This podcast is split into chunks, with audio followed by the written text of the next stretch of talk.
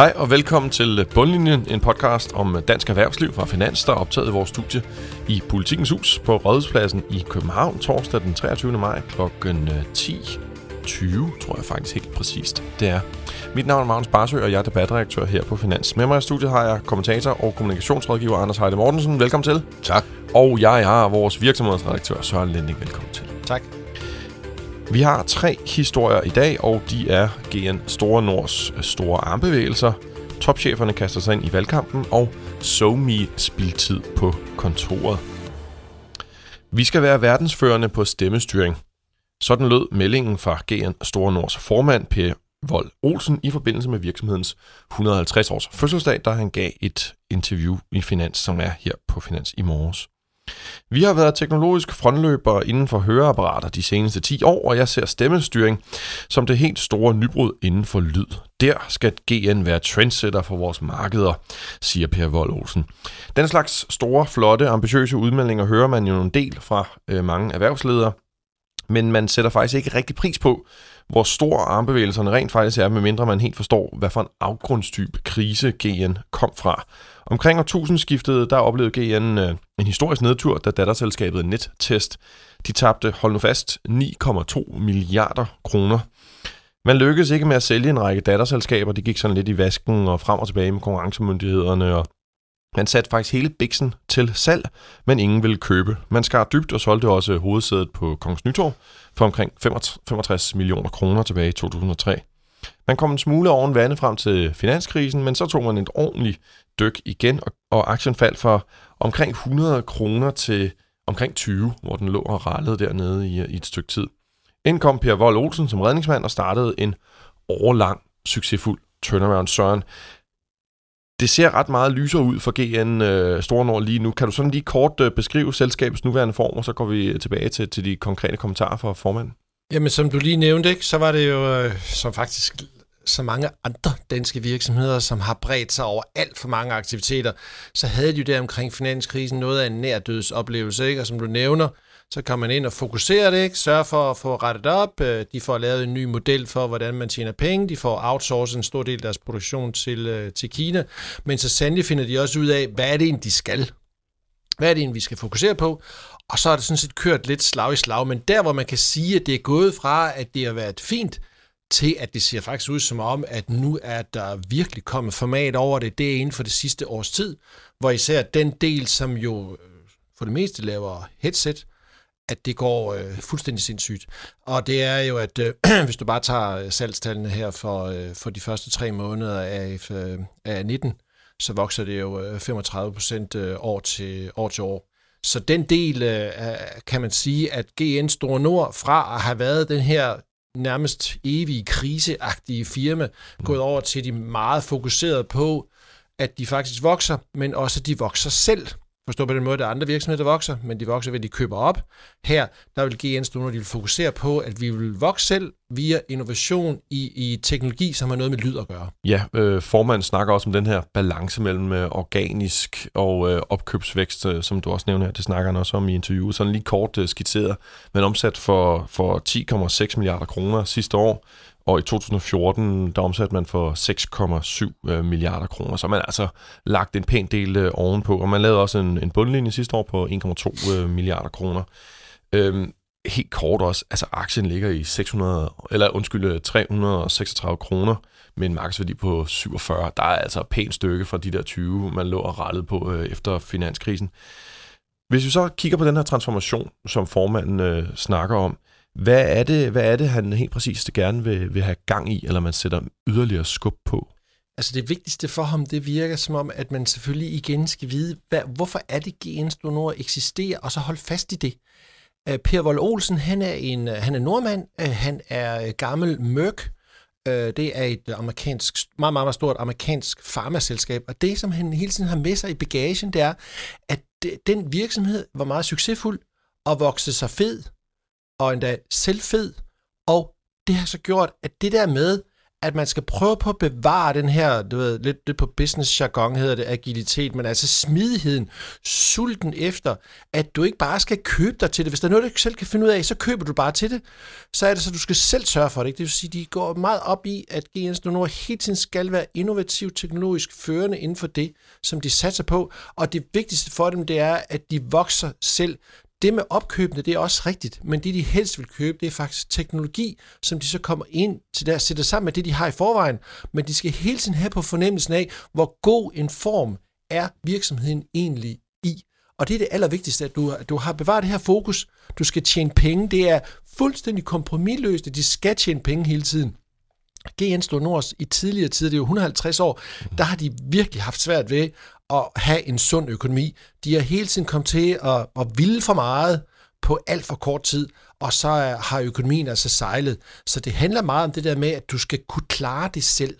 Det lyder også enormt uh, investeringstungt, tænker jeg. Altså man skal jo, man sætter jo virkelig meget af sin, sin pengestrøm af til så investeringer i forskning og udvikling, for at så kunne levere produkter. Og det her, det er jo også, altså øh, bestyrelsesformanden snakker om nærmest at omdanne det her sådan et høreapparatsproducent til et tech-virksomhed. Ja. Det må da også være forbundet med en del risiko at være så afhængig af sine egne forsknings- og udviklingsresultater. Ja, men, men det tror jeg også, det er, det, det er den sult, det er den risiko, du ligesom skal have for, at man ligesom tager sig sammen, og ikke, ikke, ikke tager noget som helst øh, for givet. Og du har fuldstændig ret i det der med, hvad er, hvad er visionen? Visionen er jo faktisk det, at øh, bare for, ja det er jo lidt over 10 år siden, vi alle sammen fik den her smartphone, hvor vi kan styre alting. Ikke? Hvordan bliver det? Der trykker vi jo mest på en, på en skærm. Hvad er så fremtiden? Bliver det så stemmestyret? Altså utrolig mange af de ting, som vi gør i dag, det bliver stemmestyret. Vi er jo allerede i gang med det. Både øh, Google har forskellige Home og andre ting, og, og Alexa og Siri, hvad de hedder.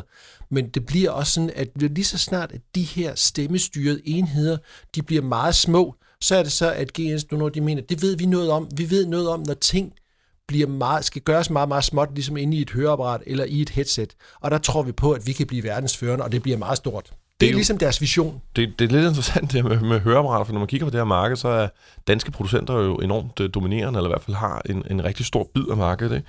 De seneste tal, som jeg kunne se, det var sådan, at svejtiske Sonova, de har omkring 25 procent øh, af markedet. Danske William Demand har også omkring 25 øh, procent. Det er dem, der blandt andet også laver sådan noget Oticon-brandet. Mm. Øh, øh, og så GN Store Nord har omkring 15 procent. Mm. Og så Sivantos og Videx, som jo lige har lavet en fusionsstørrelse, ja. de kommer til at sidde på omkring 25 procent også ja. til sammen. Og, øh, og så har man så ligesom øh, et andet selskab, der hedder Starke, der sidder på resten. Men altså danske selskaber på omkring 75 procent i virkeligheden af, af det her marked er, er ikke helt 75, men pynt med det. Ja, men det. Men det er men over halvdelen. En, det er i hvert fald over, over halvdelen. Ikke? Ja, en rigtig og, stor det, og det er jo en, øh, tror jeg, altså hvis man ser på den teknologiske udvikling, så er der jo nogle muligheder, som man jo på den ene eller anden måde ligesom skal udnytte. Men hvis du lige tager og bare sammenligner øh, Demand, som der er mange, der kender, og så også Gens Donor, så Gens Donor, deres historik, de kommer jo ud af tech. Altså, man skal lige huske på, Store Nordiske, deres, det er jo et telegrafselskab tilbage, stiftet der for 150 år siden af Titgen og havde de her telegraflinjer blandt andet især til, øh, til, øh, til Asien og til Rusland. Og det, og det der bare er, det er, at deres, deres fortid har ligesom været i elektronik. De har ejet et øh, mobilselskab, altså det der i dag er Telenor, tidligere Sonofon, det har, de jo, øh, det har de jo ejet. Så de har været meget inden for elektronikken og kommunikationen, hvorimod Demand mere har taget udgangspunkt over i mere noget sundhed, altså noget life science. Og inden for høreapparat, de er jo gået ind inden for blandt andet implantater øh, som jo er meget sådan sundhedstung, det er mere med klinisk afprøvning og sådan noget, hvorimod GN's nu har bevæget den anden vej, altså tech-vejen, mm. over mod, over mod forbruger, forbrugerdrevet elektronik. Det er dominerende danske virksomheder på sådan et det her marked, som i virkeligheden er i vækst. Jeg sad også og læste sådan lidt op om det, og for mange lyder høreapparatsmarkedet måske en anelse kedeligt, lad, lad os være helt ærlige, men, øh, men det er bare en, en, en enorm volumen. Altså markedet ser ud til at vokse også med 8% øh, om året de næste par år af prognoserne, og jeg så en eller anden en vurdering på, at alene den del af markedet er 60 milliarder kroner om, om ganske få år, og der sidder danske virksomheder altså ret solidt, og, og Søren, du har helt ret, det er jo ikke 75, det er måske omkring 60%. Jeg sad mm. og jeg lavede lige matematikken. Men Anders, øh, et, et selskab som, som, som GN Store Nord dengang har været igennem en virkelig gennem stor nedtur, nu er i, i, en, i en optur. Hvad er det også for en, en opgave, man som formand for sådan et selskab i virkeligheden har for at skabe en eller anden form for kommunikationsstrategi, eller presse sine ledere til at, til at stå foran en, en transformation og en fremtidssucces? Ja, det er vel at, at presse dem til at se langt og, og kommunikerer langt. Øhm, og så kan jeg jo ikke slippe den tanke, at GN Store Nord jeg er et af de store nationale klinoder, mm. hvor vi ser nogen øh, styrte i grus, og nogen er styrtet i grus. Og jeg er jo så gammel, så jeg kan huske et selskab, der hed ØK, og det bedste man kunne, hvis man er en ung mand, det var at komme derind og i dag det, kan det vist nok bo i en papkasse øh, et sted, ikke? Men Genen Store Nord øh, bor ikke i nogen papkasse. Det er et, et selskab, der har det rigtig godt. Ja, fordi der, der, der synes jeg også, at, at du rammer en vigtig pointe. Det er jo ikke givet, at de her store danske klenodier øh, sådan rent faktisk overlever 150 år mere. Altså, de kan jo også komme til at øh, langsomt fise ud øh, som, som en ballon, øh, som vi jo så med, med ØK, som jo er et lille selskab nu, Santa Fe, ikke? Jo, og så, øh, altså uden, øh, jeg ved øh, 10% af, hvad Søren ved, men vi har haft øh, AP Møller Mærsk, øh, hvad kan man sige, eksistentielle øh, krise op og vende nogle gange. Hvad er det egentlig, at Møller Mærsk øh, skal være for et selskab fremover? Og hvad ser det, øh, altså hvad ser ud til at være den stabile vej? Og de har været ude i nogle øh, tech- og, og IT-øvelser, knæbøjninger, som ikke rigtig synes at bakke den øh, nogen steder, og nu de måske øh, står de på sikre fødder. Men det er jo også et nationalt klenod, som hvis man havde sagt for 10 år siden, at de kunne komme ud, hvor det gyngede en lille smule, hvad skal vi i vores selskab, som havde benægtet det. Øh, helt, helt kort andet ja. at det er bare, at det GN Store Nords held her lidt, det er, der er lidt tilfældigheder i, at de er endt der, hvor de er endt, for de har været mange andre steder, og så er det jo så, at det er et marked, der vokser, men det er også et marked, hvor du kan tjene penge, bare for at vi lige nævnte det der med, hvad skal dit fokus være, hvad skal dit eksistensberettigelse være, og det er jo det, der er blandt andet Møller Mærsks helt store problem, det er, det kan godt være, du er førende, men det marked, du er i, det vokser stort set ikke, og du kan ingen penge tjene. Der har man jo den fordel øh, inden for høreapparater og den her del af teknologisektoren, hvor øh, GN befinder sig, at der er jo bare, altså aldringen af befolkningen tæller jo faktisk for, og Kina, USA, store markeder, der kommer til at vokse og stå for en rigtig stor del af efterspørgselen de kommende år. Lad os øh, hoppe videre til det andet emne øh, for i dag, Valgkampen er på afveje. I stedet for at handle om, hvordan vi skaber værdi og gør kagen større, har valgkampen udviklet sig til en ren gavebrud, hvor politikerne slås om at dele gaver ud. Det er simpelthen livsfarligt for den samfundsmodel, vi har. Sådan lyder det fra en stribe af landets mest magtfulde topchefer i Berlingske. Der er faktisk to kritikpunkter, øh, som jeg gerne lige vil vende med jer. Det ene handler om den, om den her debat om vækst, den anden handler om det, som erhvervsfolk kalder den skingre debat om, om udlændinge. Lad os lige tage væksten først. CDC's koncerndirektør, han er, citat, ekstremt bekymret for, at vi ikke diskuterer om, hvordan vi udvider råderummet, det økonomiske råderum i, i samfundet, så de øh, kommende generation kan få mere velfærd, men i virkeligheden bare snakke om, hvordan vi kan fordele det øh, råderum, vi allerede har øh, etableret. Topchef i Novozymes, Peter Holk Nielsen, han siger, som erhvervsleder synes jeg, at valgkampen indtil videre har båret præg af, at vi taler rigtig meget om, hvordan vi skal bruge penge, og i mindre grad om, hvordan vi skal tjene penge. Citat slut. Anders, jeg lavede ved sidste valg for fire år siden daglige interviews med erhvervsledere. Det var fuldstændig den samme kritik, som kom for fire år siden. Er det politikerne, som er useriøse gavebodsgivere, eller er det landets topchefer, der simpelthen bare vil have valgkampen til at handle om deres egen behov? Det er da nok mest det sidste. Mm. Og så er det en forfærdelig, øh, altså en forfærdelig kombination af, at man har svært ved at se, hvad det er for emner, der trænger sig på en valgkamp, hvor vi kører på toppen af en højkonjunktur. Uh, hvis jeg må give et eksempel. Uh, når folk får høje, store lønstigninger, og det går godt i samfundet, så begynder folk jo at få lyst til at købe bil nummer to, eller bygge den der garage, eller noget andet. De får lyst til at forbruge, ikke? Og det er der, vi er lige nu. Vi tænker ikke så meget på, hvordan vi kan øh, få et, et samfund til at køre om 5 eller 10 år. Det er simpelthen øh, øh, ret logisk, at det er sådan. I stedet for så er der um, godt sat i billetter til, hvordan kan vi få noget mere velfærd, hvad, hvordan kan vi få en bedre sygehussektor, hvordan kan vi gøre alt muligt, øh, så velfærdssamfundet øh, bliver, bliver større endnu. Det er det, der sætter billetter, når man er i en højkonjunktur. Men, men omvendt, øh, de har jo også en klar pointe, altså mindre vi, altså hvis ikke at vi skaber velstand, i samfundet, mm. så er der jo ikke nogen velfærd at dele ud, og derfor så skal vi jo også have, selv i en højkonjunktur, have fokus på, hvordan vi sikrer, at når der kommer en lavkonjunktur, vi står relativt godt rustet til det, at vi ikke kommer ind i en eller anden overforbrugssituation, som mm. står i nullerne, mm. og at vi har sådan ligesom øh, arbejdsstyrken og uddannelsen til at kunne lukrere og komme ud af hullet. Det er rigtigt, men det er jo sådan den økonomiske logik, mm. at hvis vi ikke øh, lærer at tjene penge, så har vi ikke nogen at bruge, når vi får brug for dem, og det er også fuldstændig rigtig logik. Men, men politisk logik er noget andet. Øh, mange har sagt, at definition på politik, det er fordelingspolitik. Det er, hvordan fordeler vi de goder, vi har i et samfund. Det er ligesom det, politik øh, går ud på.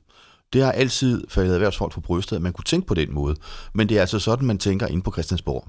Hvordan skal vi fordele øh, de goder, vi, øh, vi har i det danske samfund?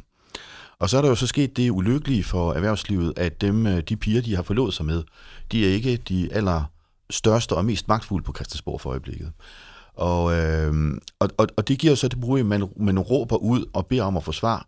Og dem, man så får svar fra, de har ikke nogen særlig stærk stemme derinde for øjeblikket de er ikke magtafgørende. Noget af det, som jeg synes var lidt interessant i den her berlingske artikel, det er faktisk, at, at kritikken for de her erhvervsledere handler ikke om noget, som man måske klassisk har set nogle gange, om lavere topskat, øh, lavere mm. beskatning øh, på arbejde. Mm. Det handler faktisk om investering i forskning og uddannelse primært. Altså, mm. der er også noget med, med skat omkring omkring det med, og så er der øh, adgang til internationale talenter, altså udenlandsk arbejdskraft, yeah.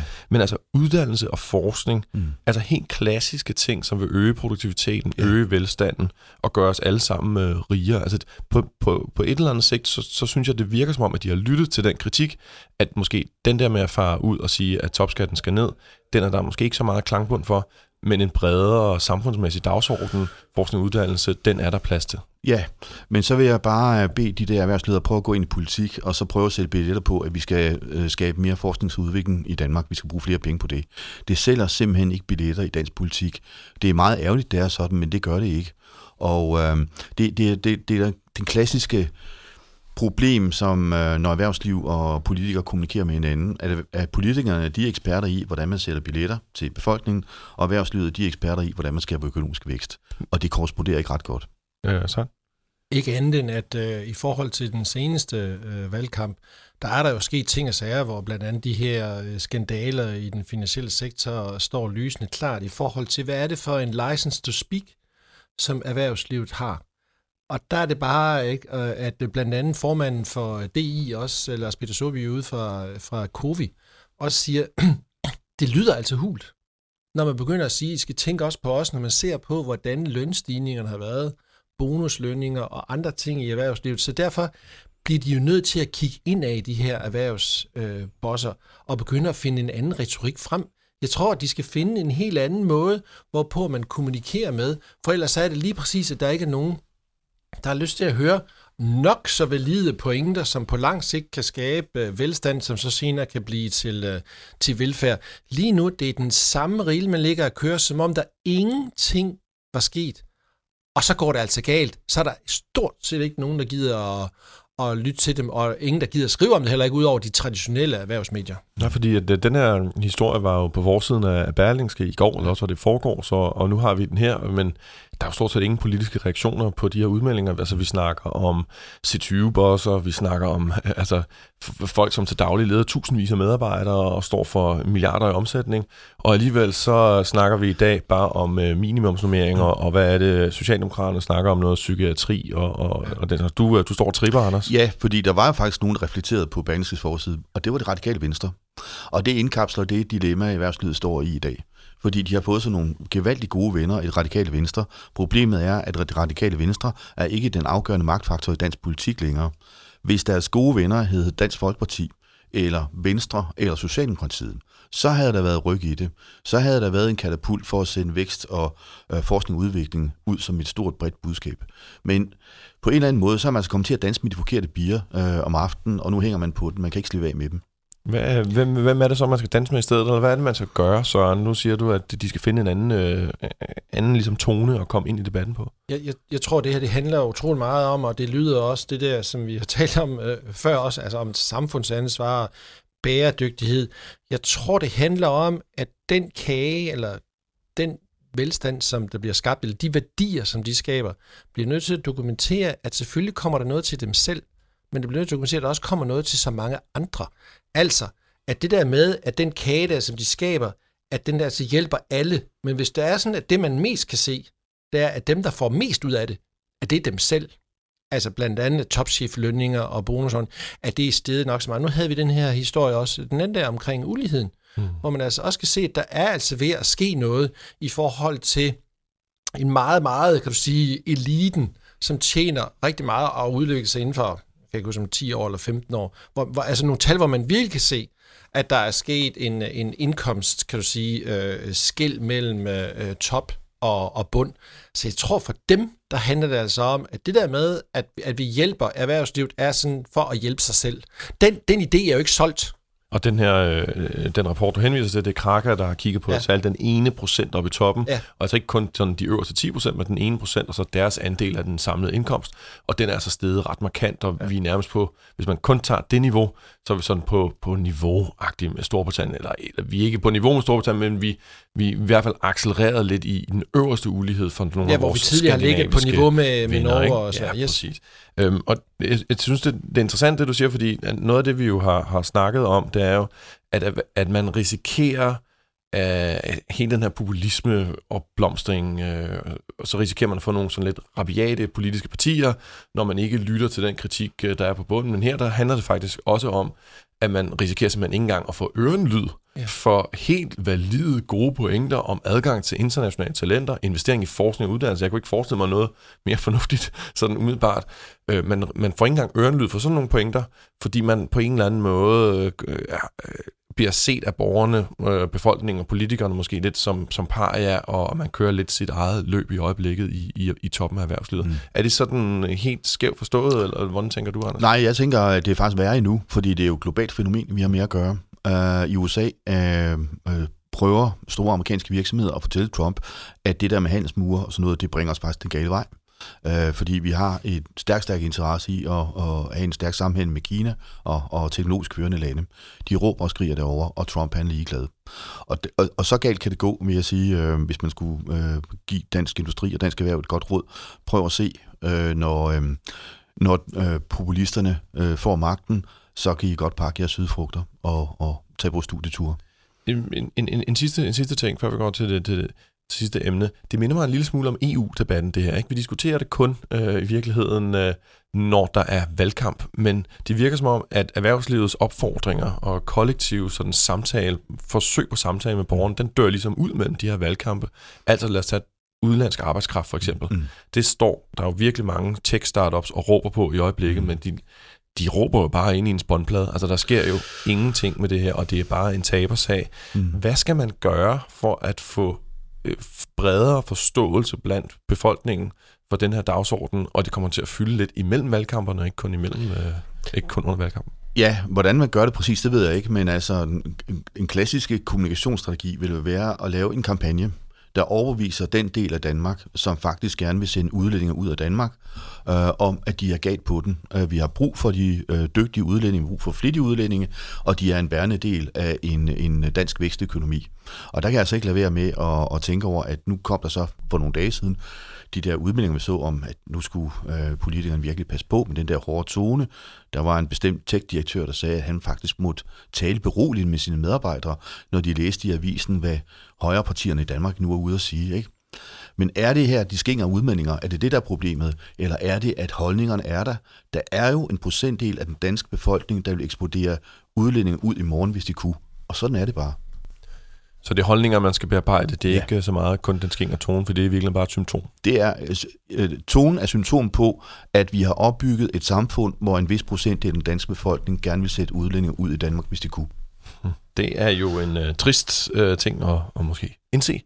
Øh, men øh, men øh, det må være det lange, hårde, seje træk. Lad os hoppe videre til det sidste emne, som bliver en sidste øh, krølle her. Øh, hvor meget værdi skaber det egentlig for landets virksomheder, at medarbejderne sidder og klikker rundt på LinkedIn og deler billeder af hinanden i arbejdstiden? Det spørgsmål, det trænger sig på, efter man oftere og oftere ser, ja, relativt ligegyldige billeder af folk foran en eller anden PowerPoint-præsentation til at sætte gang i en spændende omgang slides på sociale medier. Okay, det er måske ikke den mest øh, samfundsomvæltende historie og problem i dansk erhvervsliv, men det er nu også et besynderligt paradoks, at mange, sorry, snakker om, at øh, stress og overarbejde, men samtidig så bruger man altså værdifuld arbejdstid på at sidde og selvpromovere sig selv eller promovere sin arbejdsplads på sociale medier. Anders, du er kommunikationsmand og ret skeptisk over for den her øh, tendens. Hvad er problemet i, at øh, man sidder lige og reklamerer for, hvad en kollegas arbejde er, det arbejde, man skal til at gøre? At det skaber ingen værdi for nogen som helst. Uh, jeg har fulgt en stor bank uh, hen over bededagsferien og lidt efter. Der så jeg for det første her et opslag, hvor to medarbejdere sidder, sidder i et fuldstændig tomt kontorlokale og tager en selfie og siger, vi er på arbejde, hvis nogen har brug for det, så kan I bare ringe på det her nummer. De fik 106 kolleger fra den her bank til at like eller kommentere.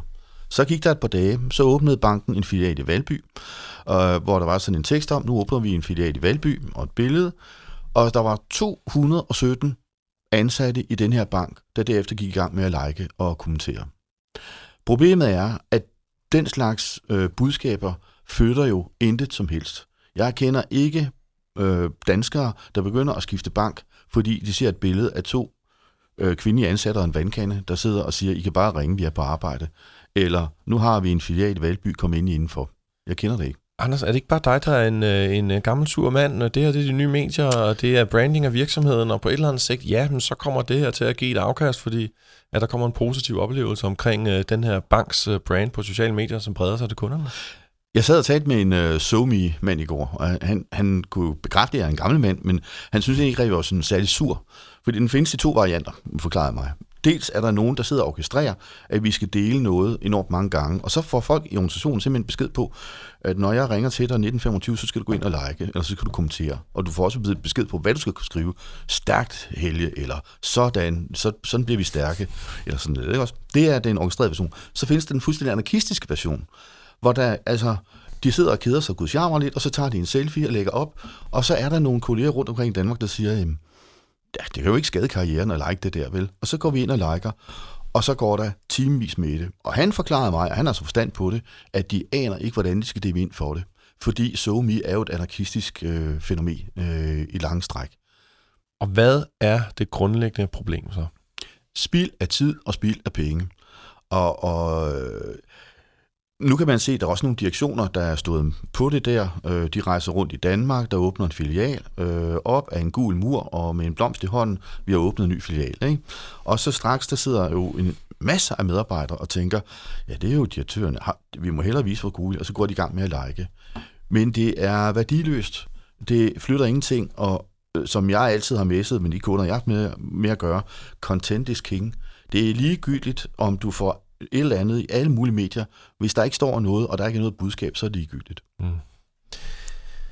Du er jo kommunikationsmand, ikke? Mm. og nu står du her og, og revser øh, sociale medier i, i arbejdstiden. Faktisk så vil du gerne gå endnu længere. Du tænker faktisk på, at man måske nærmest skulle fra ledelsesmæssig side håndtere det her og komme med en eller anden form for forbud på øh, nogle arbejdspladser om at sidde og spille sin tid på det her. Ja, det synes jeg alt talt.